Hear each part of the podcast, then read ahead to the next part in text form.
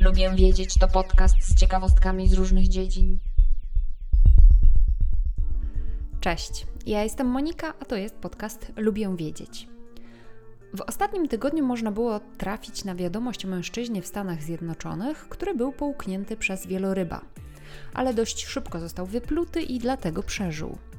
Teraz pan Michael Packard udziela wywiadów i stał się obiektem zainteresowania prasy lokalnej, ale i światowej.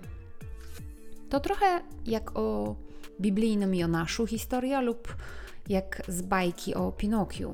Tylko pan Michael Packard nie siedział w brzuchu wieloryba trzech dni. A ile? Posłuchajcie.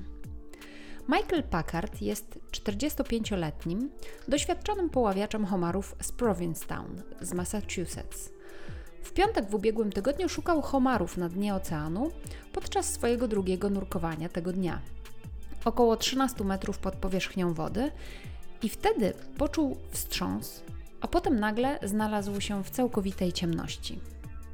Początkowo myślał, że znajduje się w pysku białego rekina, które są powszechne w okolicy. Ale kiedy zdał sobie sprawę, że nie odniósł żadnych ran od ostrych zębów rekina, stwierdził, że znajduje się prawdopodobnie w paszczy wieloryba. Michael Packard szacuje, że przebywał w pysku wieloryba od 30 do 40 sekund. Mógł nadal oddychać, ponieważ miał aparat tlenowy, ale cały czas czuł, jak wieloryb ściska go swoimi mięśniami paszczowymi, nazwijmy to w ten sposób. Na szczęście los był po stronie pana Packarda. Wieloryb wypłynął na powierzchnię, zaczął potrząsać głową, a Michael Packard został wyrzucony w powietrze i wylądował wolny w wodzie.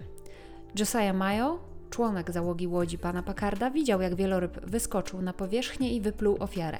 Pan Majo wydobył pana Pakarda z wody, po czym zadzwonił na brzeg przez radio i szybko wrócił na molo w Provincetown.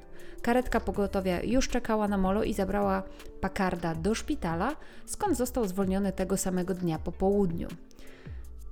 Szczęściarz. Jako jedynych obrażeń dostał tylko siniaków i lekkich uszkodzeń tkanek miękkich na nogach. Duke Robbins, dyrektor Humpback Whale Studies w Center for Coastal Studies w Provincetown właśnie, powiedział czasopismu The Cape Cod Times, że to wydarzenie najprawdopodobniej spowodował nieco niezdarny młody wieloryb.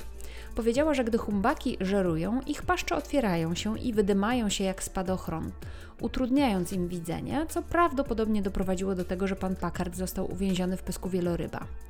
Dodała, że humbaki nie są agresywne, zwłaszcza w stosunku do ludzi. Duke Robbins powiedziała także, że wypadki humbaków, które zraniły pływaków czy też nurków, są niezwykle rzadkie, jeśli w ogóle istnieją. Kiedy o tej historii przeczytałam, od razu zaczęłam szukać innych, podobnych historii i znalazłam też historię człowieka połkniętego przez hipopotama.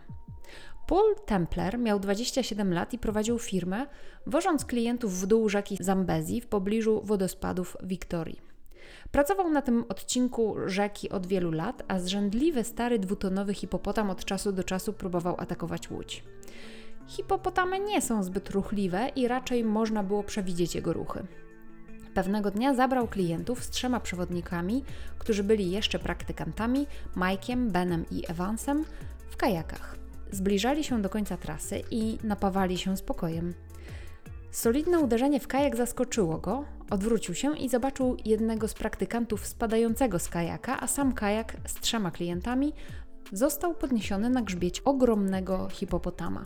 Jako najbardziej doświadczony przewodnik, Paul kazał dwóm pozostałym stażystom odpłynąć z klientami w bezpieczne miejsce, a sam zawrócił łodzią w kierunku przewodnika, który wylądował w rzece. Kiedy już sięgał, żeby wydobyć go z wody, nagle poczuł, jak pochłania go ciemność. Poczuł, jakby nagle oślepł i ogłuchł. Czuł nadal, że jego nogi są w wodzie, ale górną połowę ciała miał uwięzioną w czymś oślizgłym. Czuł siarkowy zapach zgniłych jaj i ogromny nacisk na klatkę piersiową.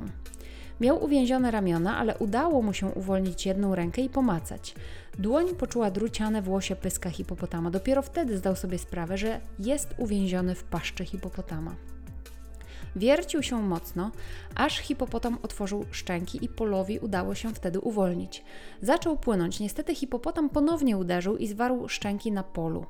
Hipopotam wpadł w szał, wyrzucając przewodnika w powietrze i ponownie łapiąc. Potem zwierz zszedł pod wodę razem z polem. Obaj wstrzymali oddech, aż w końcu hipopotam wynurzył się i wypluł człowieka. Pola udało się odwieźć w jednym z kajaków w bezpieczne miejsce. Ostatecznie skończył ze zmierzczonym ramieniem i około 40 ranami od zębów, w tym jedną głęboką na tyle, że podobno widać byłoby przez nią płuco. W tym jedną głęboką na tyle, że widać było przez nią płuco. Hipopotamy mają ogromne kły tnące siekacza i kilka mniejszych zębów do rzucia. Dlatego nawet utrata jednej ręki to duże szczęście dla przewodnika. Jakie zwierzę może połknąć człowieka w całości? Hipopotam nie połknął pola całego. Ciało przewodnika w połowie znajdowało się poza pyskiem zwierzęcia. Zwierzę, które miałoby połknąć człowieka, musi być duże. To może być na przykład wieloryb. Ale to może być także pyton, bo te węże połykają swoje ofiary w całości i trawią je potem przez wiele, wiele dni. W notatkach do tego odcinka znajdziecie też historię właśnie o pytonach, które połknęły ludzi. Większość zwierząt musi sobie podzielić ofiarę na kawałki, a te, które nie muszą tego robić, nie mieszkają w Polsce. Także nie musicie się martwić, że zostaniecie połknięci przez zwierzę, przynajmniej u nas w Polsce. Dziękuję za wysłuchanie dzisiejszego odcinka podcastu Lubię Wiedzieć. Jeśli Wam się podobało, to zachęcam do subskrypcji i opowiedzenia o tym podcaście innym osobom, które także lubią wiedzieć. Taki szeptany marketing bardzo pomaga i z góry za niego dziękuję. Zapraszam także na moje konto Instagramowe. Tam zamieszczam więcej ciekawostek na co dzień. Możecie też tam skontaktować się ze mną i zaproponować mi temat do kolejnego odcinka. Jeśli z kolei macie ochotę posłuchać o książkach, które czytam, to zapraszam na mój drugi podcast Fiszkowa Kartoteka. Do usłyszenia. Cześć.